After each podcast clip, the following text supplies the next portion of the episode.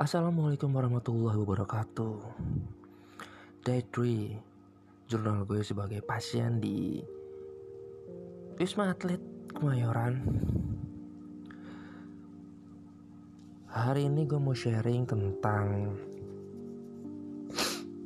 hmm, Kegiatan yang masih tetap sama aja sih Kayak kemarin. Gak ada jauh bedanya. Oh ya gue gitu tuh bukan karena gue pilek ya.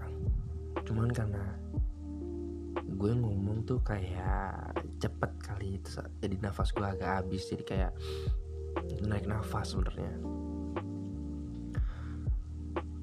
Di hari ketiga ini pagi tadi keluarga gue yang di tang uh, yang di rumah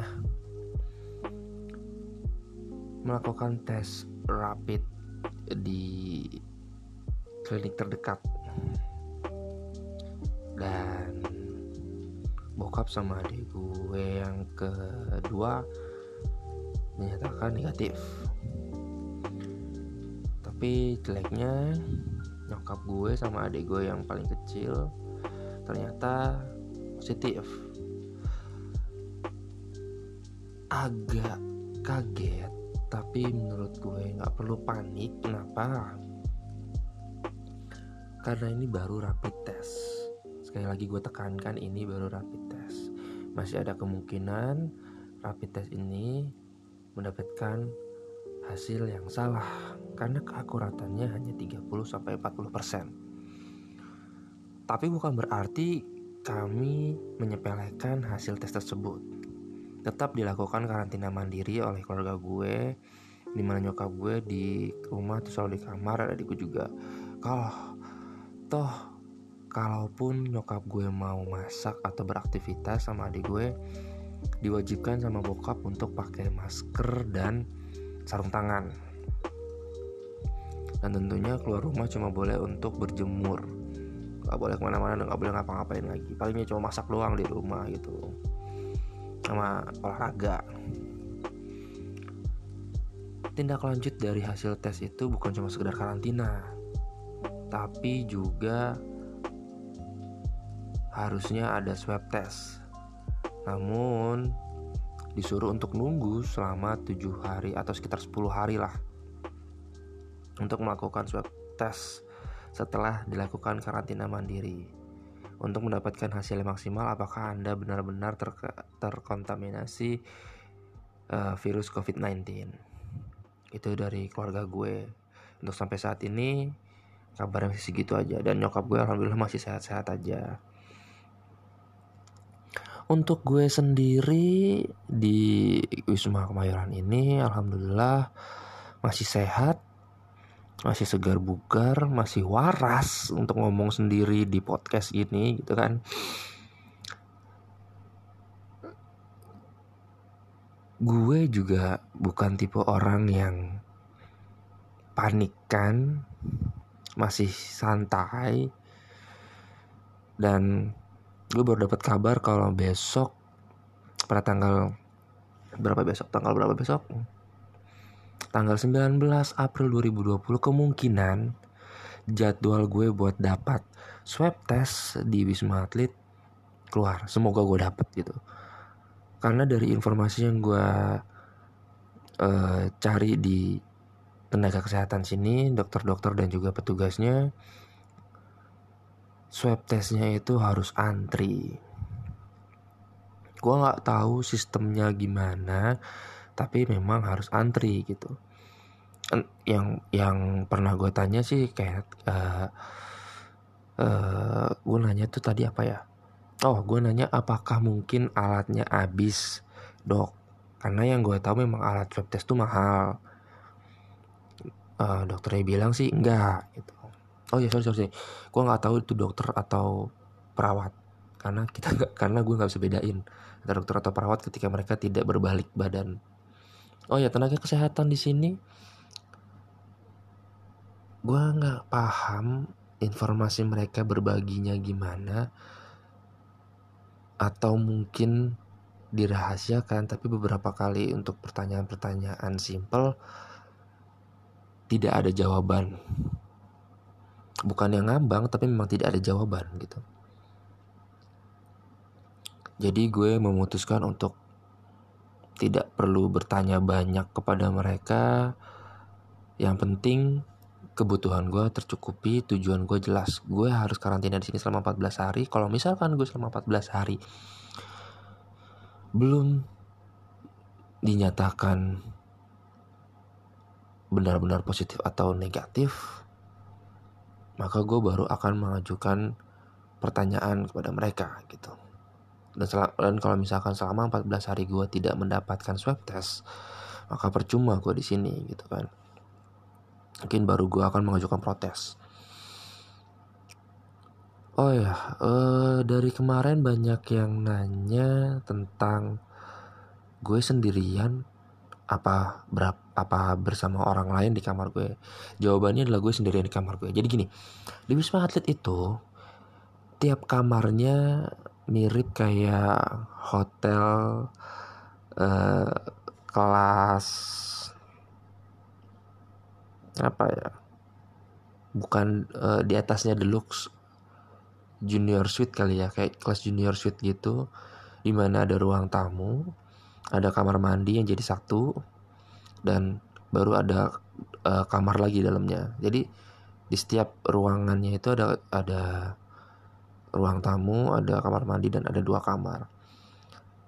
Yang gue tahu sih kalau kamar gue untuk ditempatin dua orang jadi ada dua single bed. Kalau nggak salah kamar sebelah cuma ada satu single bed. Dan kebetulan meskipun gue di kamar untuk dua orang tapi gue tinggal sendirian. Gue nggak tahu kenapa apakah memang karena gue nggak ada barengannya karena pas gue masuk barengan gue mama semua gitu atau memang ya sudah sendirian aja karena mungkin gue OTG gitu kan orang tanpa gejala yang tidak diketahui benar-benar positif atau enggak karena belum melakukan tes swab. Soalnya kan agak berisiko juga tuh kalau misalkan gue dijadiin satu sama orang yang sudah positif corona. Bisa-bisa gue ketularan beneran gitu. Kalau misalkan gue ternyata enggak. Kalau misalkan memang gue yang malah uh, gue yang benar-benar positif tapi orang lain dimasukin ke sini dan ternyata dia awalnya tidak positif, dia bisa-bisa jadi positif gitu kan. Kalau ada beberapa orang yang bertanya gimana caranya lo bisa masuk ke Wisma Atlet karena beberapa orang mendengar informasi kalau untuk mendapatkan perawatan di sini banyak yang tolak.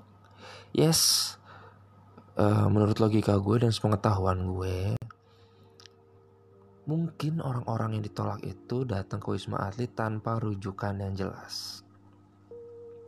Begini, Wisma Atlet itu adalah tempat untuk penanganan akhir kayak pusatnya bagi pasien-pasien COVID-19.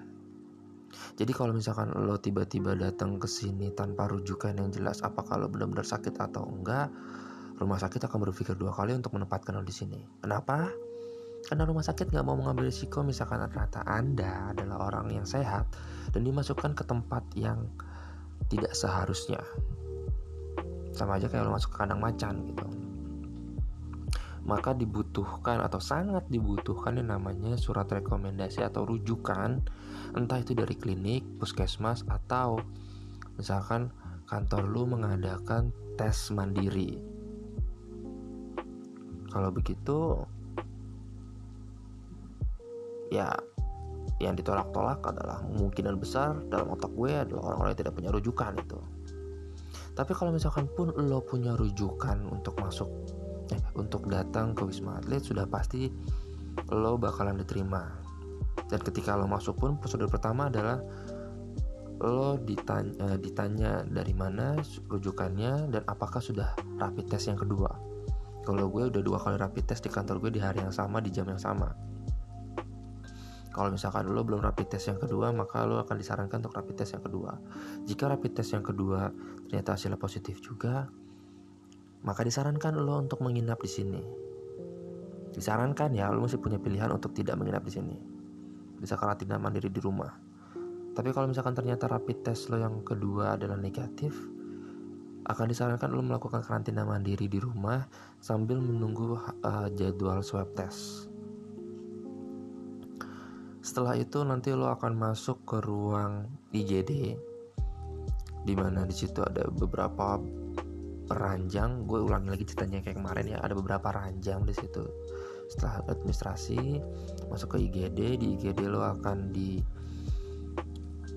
uh, periksa detak jantungnya kata temen gue gue nggak gue belum sempet nanya ke petugasnya untuk apa itu tapi kalau kata temen gue untuk mengetahui toraks juga nanti pakai dari ronsen terus sama diambil darah.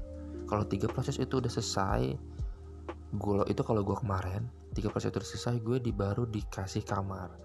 Namun ada beberapa pasien juga yang sudah langsung diberikan kamar dan belum menjalani tes tersebut.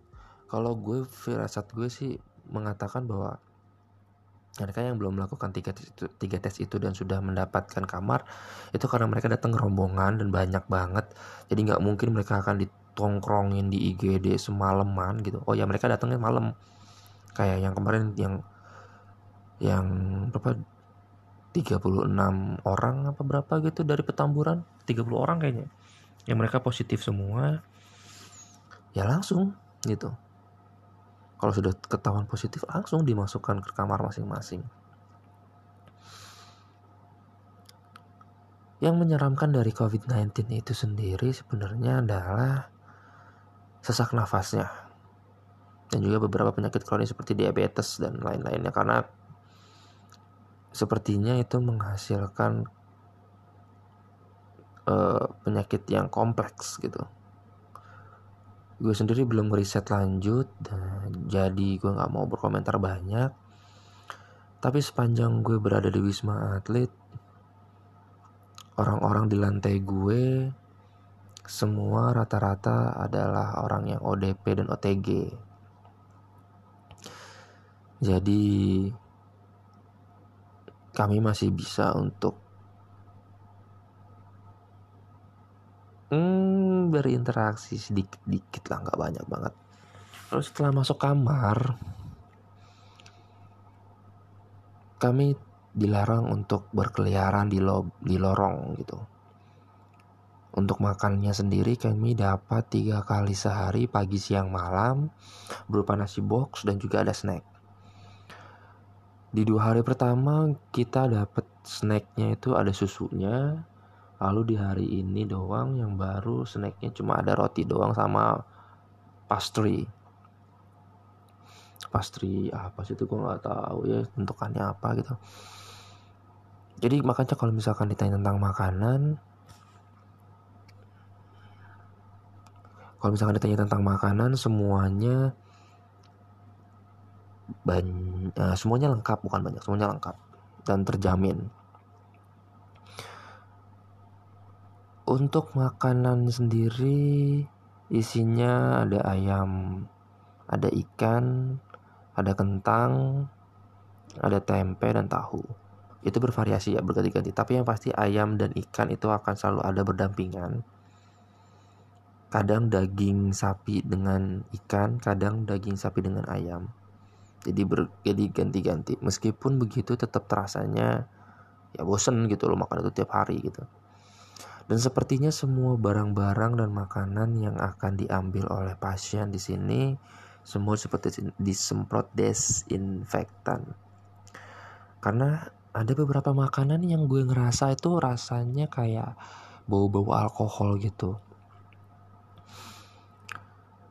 Untuk awal-awal sih kita dianterin ke kamar makanannya, diketok masing-masing kamar. Tapi akhir-akhir ke sini, udah dua hari terakhir nih, kita semua ngambil di depan ruang perawatan. Jadi box-box itu ditumpuk.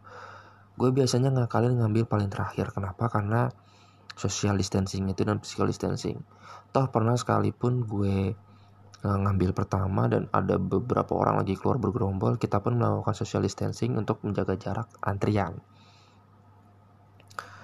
dan selalu menggunakan masker ketika keluar kamar kayak sebuah rules yang wajib gitu akhir kata untuk hari ketiga semuanya aman. Semoga gue negatif dan semoga gue cepat dapat swab test. Sampai jumpa dan selamat beraktivitas. Selamat hari minggu, uh, selamat malam minggu bagi kalian semua yang harus social distancing dan pacaran dari rumah. Bye.